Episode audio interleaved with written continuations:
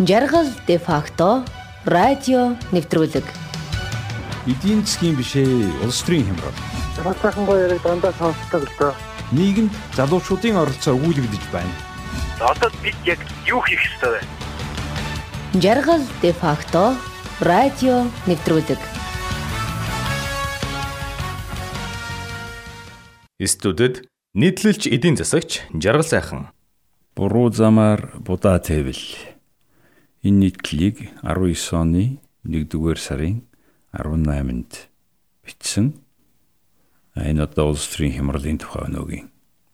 За, идүүгээ Монголын төр засаг гүн хямралд оржээ. Шалтгаан нь төрийн эрх мэдлийг авсан улс төрийн намуудын удирдлага, улсын их хурлын гишүүд нь нийтийн хөрөнгийг олон жил завшиж ирсэнтэй холбоотой. Монгол ардын намын тоторох ашиг сонирхлын зөрчилдөөн, эрх мэдлийн тэмцэл хурцтаж нам дотроо шийдэж чадахгүй болжээ. Үнэмлэхгүй олон суудл авсан их хурлаач хуралдуулж чадахгүй болов. Их хурлын 40-од гишүүд им инх болд дарга огцрохыг шаардаж хуралдаа эрхээч болов.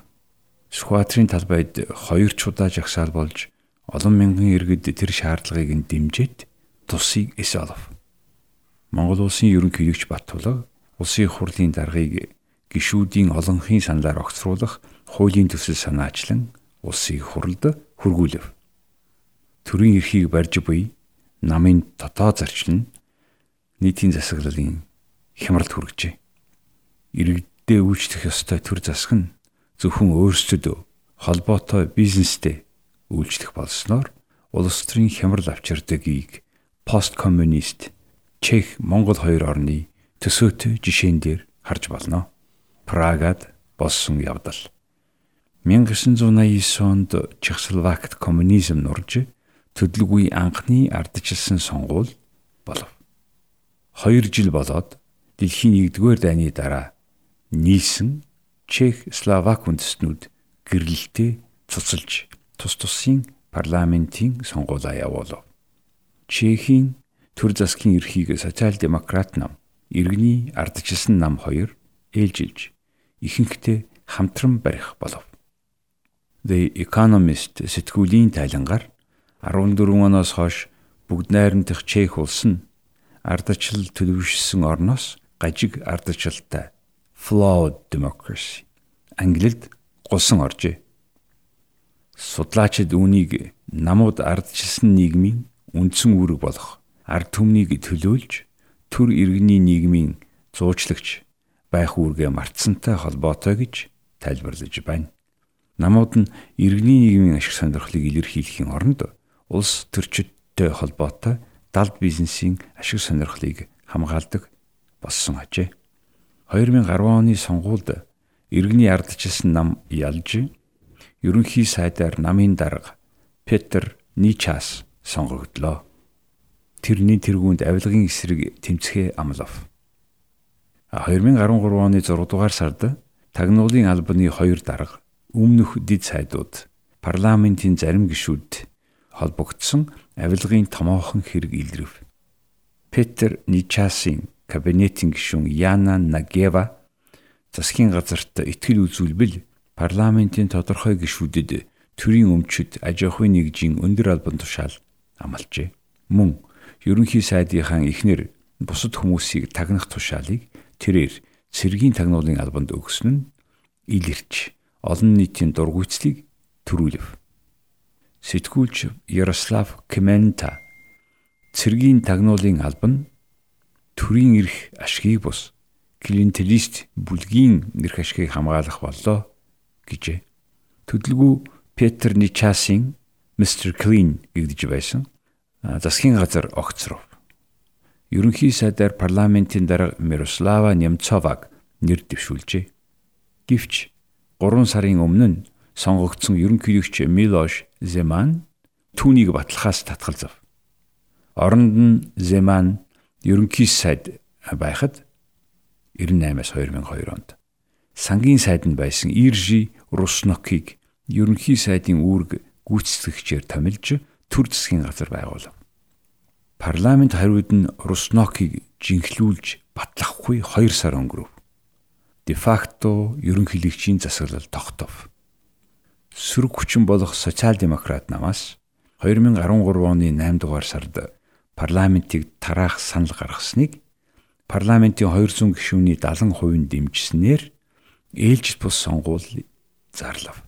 10 дугаар сарын 25-наас 26-нд болсон энэ сонгуулиар социал-демократ нам 50 дөнгөж жилийн өмнө байгуулагдсан АНО 2011 нам 47 суудал тус тус авчээ. Уламжлалт хоёр том нам өмнөх байр сууриа алдав. Орон зайг нь улс төрийн шинэ хүчнүүд эзлэв. Өмнө нь ганц ч судал аваагүй Христийн ардчилсан холбоо Чехийн ардын нам шууд ардчлалын эхлэл хөдөлгөөн гих хоёр ч нам тус бүр 14 судал авч парламентэд орж ирлээ. Чехэд улс төрд хүчний дахин хуваарлалт боллоо. Харин 2017 оны сонгуулиар АНО нам 78, Социал-демократ нам 15 судал авч мөн 15 судал авсан коммунист намын дэмжлэгтэйгээр засгийн газраа байгуулав. АНО намын дарга Чехийн хоёр дахь баян тэр бомтон бизнесмен Андре Бабиш ерөнхий сайд болов. Тэр авилгатай тэмцэгч улс орныг өөрийн бизнес шигээ удирдахаа амлав. Гэвч сүүлийн хэдэн сар түүнийг Европын холбооны хөдөө аж ахуйн төслөөс 2 сая евро завшсан хэрэгээр буудган огцрохыг шаардсан иргэдэн жагсаж байна.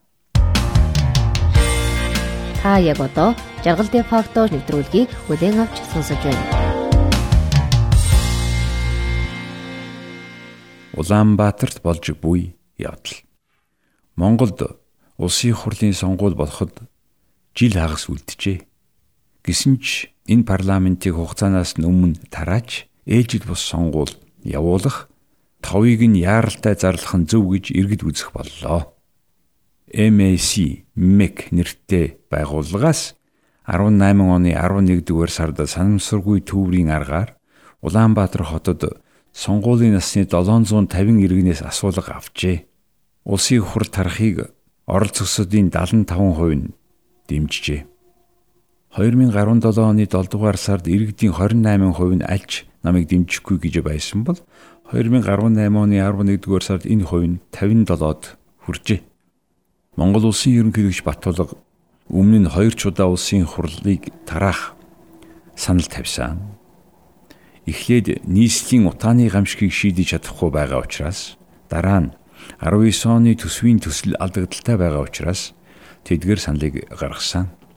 Тэгвэл энэ удаад ардчилсан нам их хурлыг тараах санал дэвшүүлв. Энэ намын их хурлдах 9 гишүүнээс 2 нь Луу болд Батзандан нар намаасаа гарахаа мэдгдснээр ардчилсан нам их хурл дотроо намын бүлэггүй болсон юм а. Парламентыг тараах саналыг одоогор 16 гишүүн дэмжиж гарын үсэг зураад байна. Улсын хурлын тухай хуулийн 31-р зүйлд парламентыг тарааж ээлжид бус сонгуул зарлахын тулд их хурлын нийт гишүүдийн 3-2-ын дэмжлэгийг авах ёстой. Эсвэл гишүүд чөлөөлөгдөх хүсэлтээ гаргаснаар улсын хурал 57-оос цөөн гишүүнтэй болсон тохиолдолд тарах юм а. Гэхдээ Монгол Ардын намын талтсан хоёр хүч тэнцүү учир их хурлаа тарааж ил салах байх та. Улсын хурал тархаас өөр сонголтгүй болж байна. Ээлжид бус сонгуул энэ хавар болж шин намууд их хуралд орох бололтой. Хэрвээ Чехийн 2013 оны сонгуулийн логикоор юм явна гэвэл ардчилсан нам аль нэг эсвэл хоёр жижиг намтай эвсэж шин засгийн газар байгуулах магадлалтай.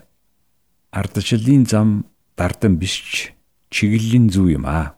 Харин өнөөдөр бол буруу замаар будаа тавил буцахтаа шороотын нэгдгэл болж байна. 19 оны 1-р сарын 16.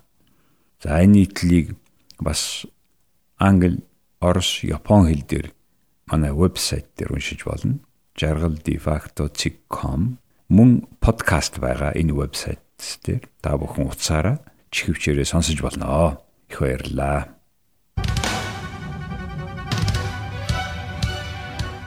Жаргал де факто радио нэвтрүүлэг.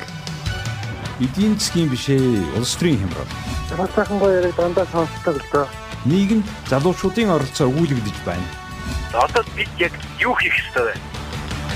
Жаргал де факто радио нэвтрүүлэг